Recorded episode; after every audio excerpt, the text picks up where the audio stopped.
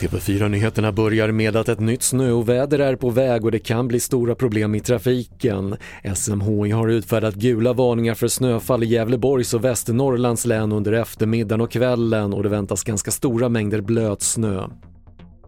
En kraftig explosion inträffade vid en restaurang på Södermalm i Stockholm i natt. Inga personer skadades fysiskt men sprängladdningen orsakade omfattande skador på husets fasad. Vi får förutsätta att det är restaurangen som är måltavlan men det kan ju vara många personer kopplade till en restaurang och vem det är, det är det vi håller på att jobba med att få fram vem det kan vara som har varit måltavla för den här sprängladdningen.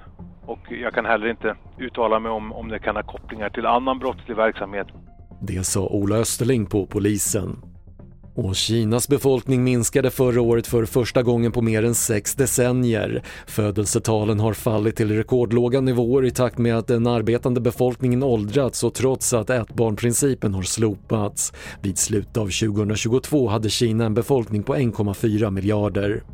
Fler nyheter på TV4.se. Jag heter Patrik Lindström.